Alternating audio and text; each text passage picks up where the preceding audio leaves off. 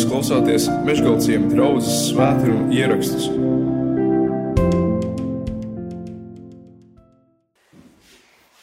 Pirms uh, 18 gadiem, kad uh, mīra mans tētis, tad, uh, tad tajā pēdējā reizē, kad es viņu redzēju dzīvu, vēl uh, man bija jādodas projām un, un es no viņa atvadījos, bet es nespēju pateikt vārdus, es tevi mīlu. Kaut arī es sapratu, ka laikam jau dzīvu es viņu vairs neredzēšu. Tāpēc, ka es šos vārdus nebiju praktizējis, es, mēs nekad to viens otram neteicām, kaut arī mēs zinājām, ka mēs mīlam viens otru. Un tas man kaut kā pēc tam gauži sāpēja. Taču varētu teikt, ka es to ņēmu vērā. Un es pēc tam sāku teikt saviem bērniem, kuri vēl bija pavisam mazi. Īstenībā, jā, Klaus vienīgais bija piedzimis tajā brīdī, bet pēc tam es visiem saviem bērniem mācījos teikt, ka es viņus mīlu. Un ar prieku dzirdēju, ka viņi man sāk atbildēt to. Jā. Un es, man ir cerība, ka tad, kad es gulēšu uz nāves gultas, tad viņiem būs daudz vieglāk pateikt to, ka viņi man mīl. Un man viņiem atkal Un es arī mammai sāku to teikt. Un tagad, ceturtdien, ceturtdienas dienā, jā, tad, kad es viņu pēdējo reizi redzēju dzīvu, pirms viņa arī vēl aizveda uz slimnīcu, pēdējie vārdi, ko es viņai teicu, bija: Es tevi mīlu. Un viņa man atbildēja: Es tevi arī. Redziet, vecās derības stāsti Tādi, kādus mēs te tagad lasījām. Viņi ir uzrakstīti, lai tie lasītāji vai klausītāji tos lasot, tos dzirdot, mēģinātu saprast, kā tad vajag dzīvot, ko tad vajag darīt man šo stāstu noklausoties, vai kā nevajag, kā nevajag darīt, kā nevajag dzīvot. Šie stāsti un tās, eh, tās pamācības, kas tur ir iekšā, tās veido, veidoja tautu, veido joprojām, veido draugu. Tās kopējās vērtības, tavu kopējo atziņu, to kopējo platformu, uz kuras visi mēs dzīvojam. Un, un par ko mēs sakām, kas ir labs vai kas ir slikts, kā vajag, kā nevajag. Mēģināsim tagad pasakot līdzi arī šim stāstam. Jākabam Izraēla tautas patriārham ir 12 dēli, no kuriem tās 12 ciltis pēc tam veidojās. Šie 12 dēli nāk no četrām viņa sievām. Divas ir tās nu, oficiālās, divas māsas, Lea un Rāhele, eh, atvainojos, Rebeka. Nē, Rāhele. Rāhele, jā, taisnība. Rāhele un uh, Un, un šīm divām māsām līdzi nāca pūrā vēl divas kalpones, uh, Zilfa un Bilha. Un uh, Rāhele bija tā mīļā sieva Jākabam, jo viņš bija viņu pirmo iemīlējis. Ja? Bet tikai nu, pirms viņš viņu dabūja, viņam, viņa sievas tēvs, kā saka, iespēlēja arī to vecāko māsu Lēvu vēl. Eh, bet, eh, bet Rāhela bija šī mīļākā sieva. Un no Rāheles dzima viņa divi jaunākie dēli. Jo Rāhela nevarēja dzemdēt ilgi, ilgi, ilgus gadus, un tad viņām bija sava savstarpēja sacensība savā starpā, kura tad vairāk dēlus dzemdēs. Un tad, kad nevar dzemdēt, tad dod savas kalpones Jākabam, ja, lai tad no viņām nāktu tie, tie bērni. Uh, un šie divi jaunākie ir, ir tātad Jēkaba mīļākās sievas dēli, Jāzeps un Benjamins, pie kam Benjamina dzemdībās arī, arī Rāhele nomira. Tātad šie divi jaunākie dēli eh, Jākabam ir ļoti mīļoti dēli, mīlēti dēli, eh, saudzēti, loloti, lutināti. Mēs tā varētu teikt. Vai tā vajag ģimenē būt? Ka kādi no bērniem ir tie luteklīši? Kādi ir tie pastariņi, kuriem tiek dotas daudz atlaides? Vai tā nevajag darīt? Vai favorītisms ir labs ģimenē, attiecībās ar bērniem, attiecībās ar citiem cilvēkiem, laulībā? Tie jau ir pirmie jautājumi, kas parādās. Vai tas bija labi, vai tas bija slikti, vai vajadzēja citādāk kaut kādā veidā attiecības regulēt. Bet otra lieta, ko lasot vecās derības stāstus, mums ir jāatcerās, ka šie stāsti skatās uz priekšu, uz mesiju, uz dieva apsolīto glābēju. Un šī ir tā otra lieta, ko mēs šeit varam arī šajā stāstā pamanīt. Jo tas ir tas, ko ļoti bieži Dievs dara. Viscaur Bībelē, no viena vāka līdz otram vākam. Ka Viņš savus darbus, savus lielos varenos darbus dara caur jaunākajiem, dara caur vājākajiem, nespēcīgākajiem, caur tiem, no kuriem mēs vismazāk būtu to gaidījuši. Un lūk, šeit arī Dievs savus sapņus, savus nākotnes atklājumus dod tieši Jāzepam. Šim jaunākajam dēlam, šim luteklītim, ja, par šiem kūlīšiem, kurus viņš sapņo, ka viņi sej kūlīšus laukā un pārējie kūlīši liecās un klanās uh, Jāzepa kūlīšu priekšā. Vai arī zvaigznes, kuras ir nostājušās apkārt vai ne Jāzepam un visas paklanās. Un viņš savā naivumā savā sirds šķīstībā. Viņš stāsta, viņš izstāsta šos sapņus vienu un otru reizi saviem, savai ģimenei. Vai to vajadzēja darīt? Varbūt vajadzēja savaldīt mēlu. Nevajadzēja to darīt. Vai tas bija pareizi, vai tas bija nepareizi?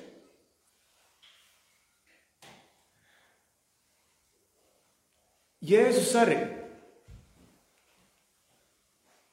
Jēzus arī, kad viņš nāca, viņš teica sava laika cilvēkiem, sava laika reliģiskiem vadītājiem: Es un Tēvs, es un debesu Tēvs, mēs esam viens.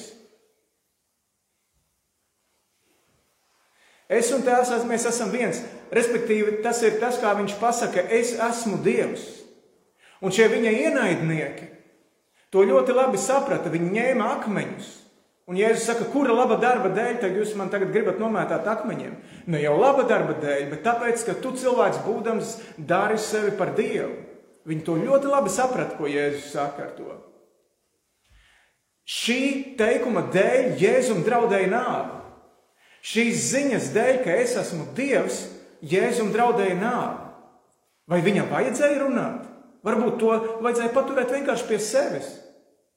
Es jau zinu, kas es esmu, ne? un neteikt to cilvēkiem. Vai vajadzēja riskēt ar savu dzīvību, Jēzum? Varbūt nevajadzēja.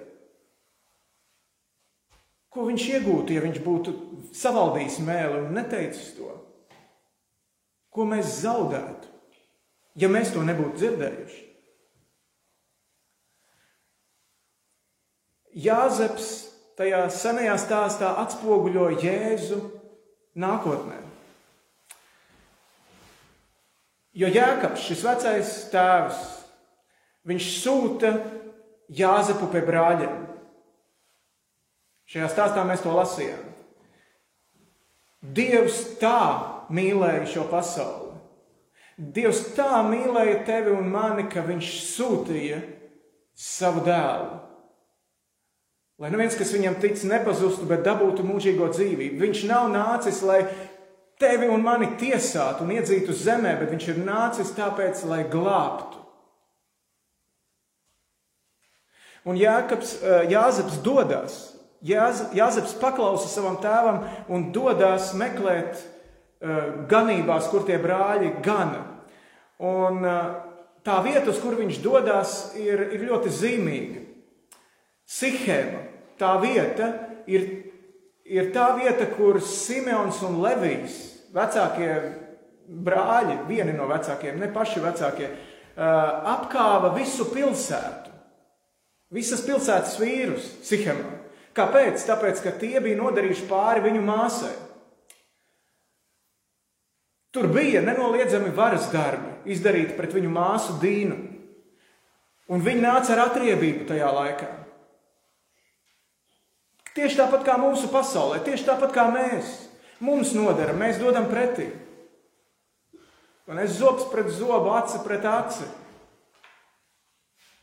Un viņi tagad, tie brāļi, ir aizgājuši un gan tajā noz nozieguma vietā.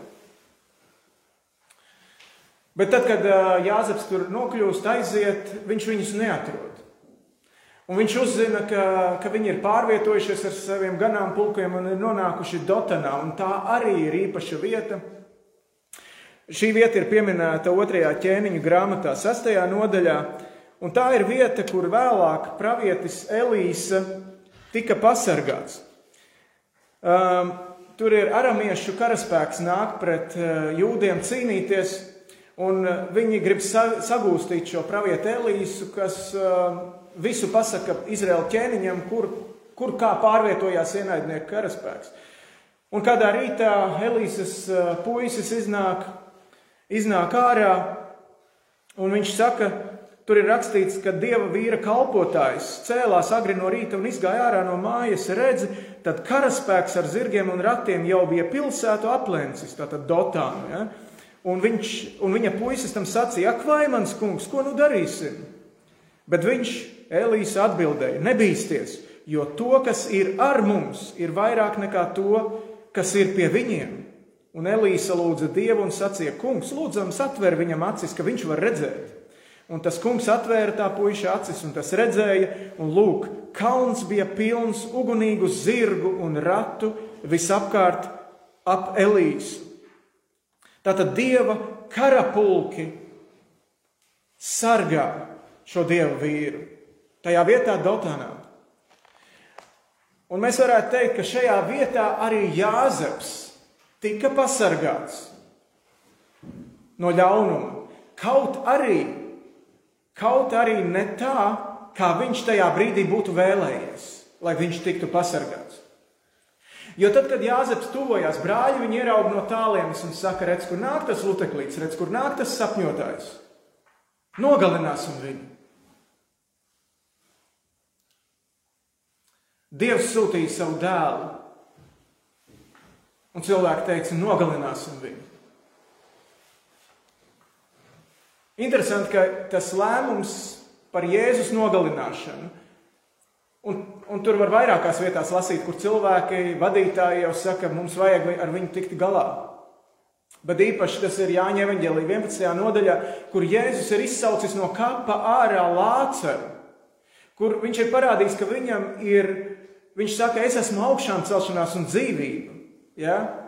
Es dodu dzīvību, Jēzus saka, un tūlīt pat viņi saka, tie viņa ienaidnieki, viņam ir jāmirst. Vienā un tajā pašā nodaļā mēs redzam šīs divas galējības.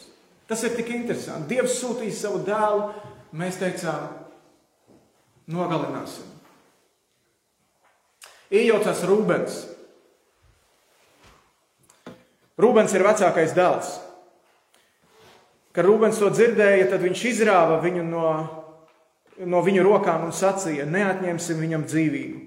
Un Rūbens viņiem sacīja: Neizliet asinis, iemetīsim to šī bedrē, kas te tuksnesī, bet nepieliksim roku pie viņa. To viņš teica, lai izglābtu viņu no to rokām un atdotu to savam tēvam atpakaļ.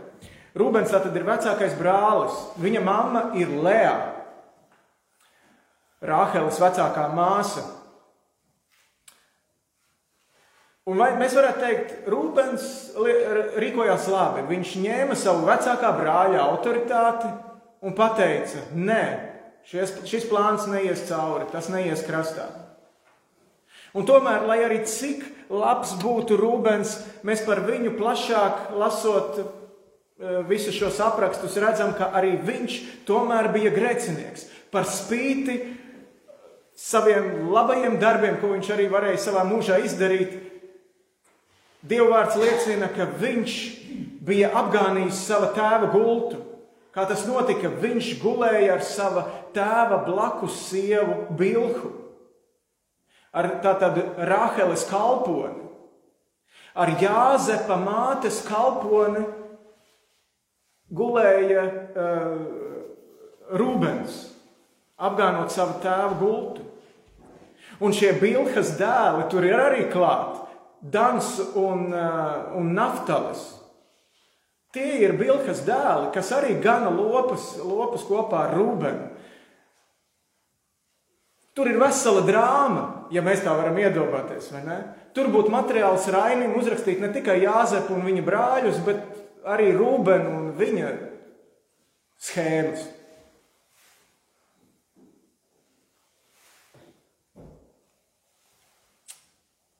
Kamēr Rūbens ir kaut kur prom,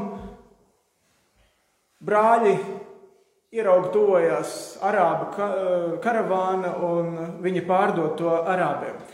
Tieši tāpat kā Jēzu par sudrabu, par sudrabu naudu. Summas atšķirās, būtība nemainās. Jāzeps tiek pārdots. Un, lai tagad izskaidrotu tēvam, kas ir noticis, ir jāsāk melot ir jāinscenē viltus nāve. Viens ļaunums ved pie nākamā. Vieni meli rada citus melus. Viens nenožēlots grēks samudžina to visu situāciju ar vien, ar vien, ar vien vairāk. Kā tad vajag dzīvot? Kā nevajag dzīvot? Kā ir jādara, kā nav jādara, kas ir pareizi, kas ir nepareizi visā šajā stāstā. Tie ir jautājumi, ko mums, kā lasītājiem, klausītājiem, ir jāizšķir. Kā es dzīvošu, kā es nedzīvošu? Vai tev ir kāds favorīts starp bērniem, starp darba kolēģiem, starp radiniekiem, starp kaimiņiem? Kāds atkal paliek pilnīgi apdalīts kaut kur, kāds paliek rūkumā par to, ka tu netaisnīgi Viņu neievēro varbūt. Vai tev kaut kur ir jāpievalda mēlē?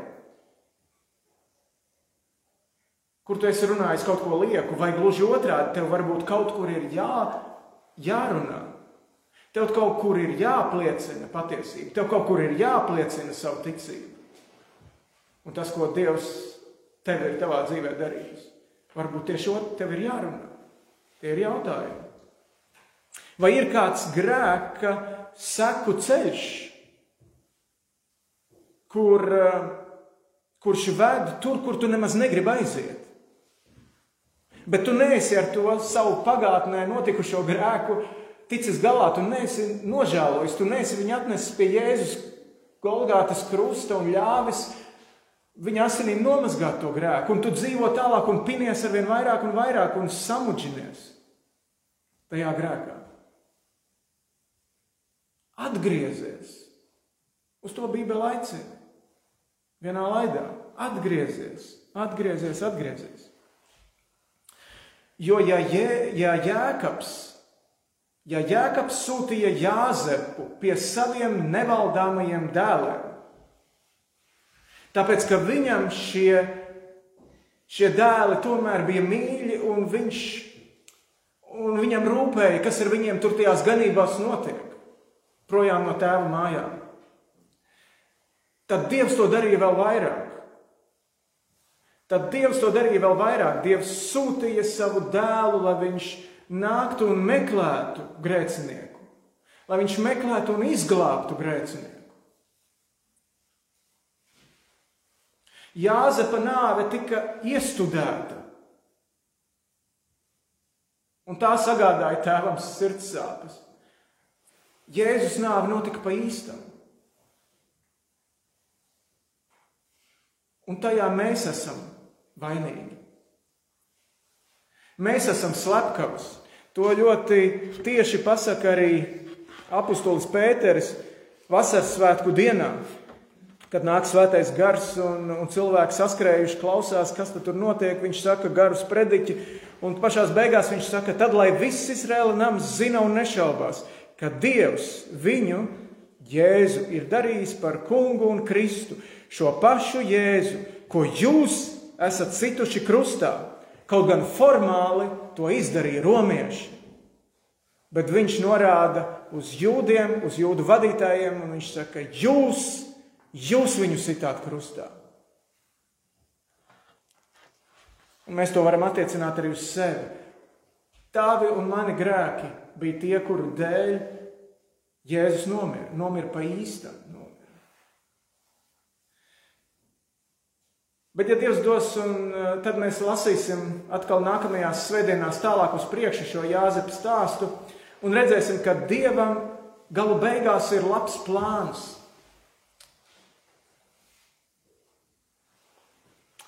Arī Jēzus nāvē mums tiek iedots jauns sākums. Jāzeps vēlāk teiks saviem brāļiem, jūs man bijāt iecerējuši darīt ļaunu, bet Dievs to ir vērsis par labu. Jūs gribējāt ļaunu, bet Dievs visu izmainīja. Un šo Dieva labo prātu mēs šodien arī svinēsim Svētajā vakarēdienā.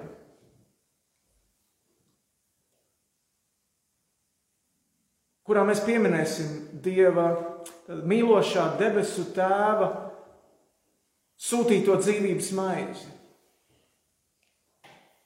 un biķeri, kurā ir mūsu dzīvība.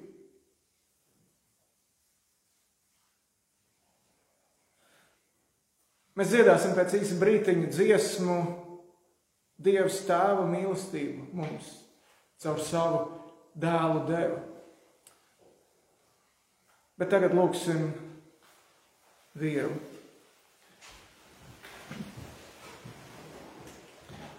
Dievs, mēs apbrīnojam tevi, mēs apbrīnojam tavu mīlestību uz mums, grēciniekiem, uz mums, savu brāļu un māsu slepkavām, ar saviem vārdiem vai ar savu attieksmi, ko mēs esam izdarījuši uz mums, kas esam arī tavas nāves iemesls. Bet mēs pateicamies, ka nāve neuzvarēja, ka dzīvība ar augšām celšanos un tukšo kapu ir triumfējusi. Un tāpēc ar godbijībā aizturētā elpu mēs Pēc brīdiņa nāksim pie šīs maizes un pie šī biķera, pie tavas miesas un pie, tavā, pie tavām asinīm. Lai pateiktos, ko tu mūsu labā esi darījis. Paldies Tev, Jēzus Kristus vārdā. Āmen!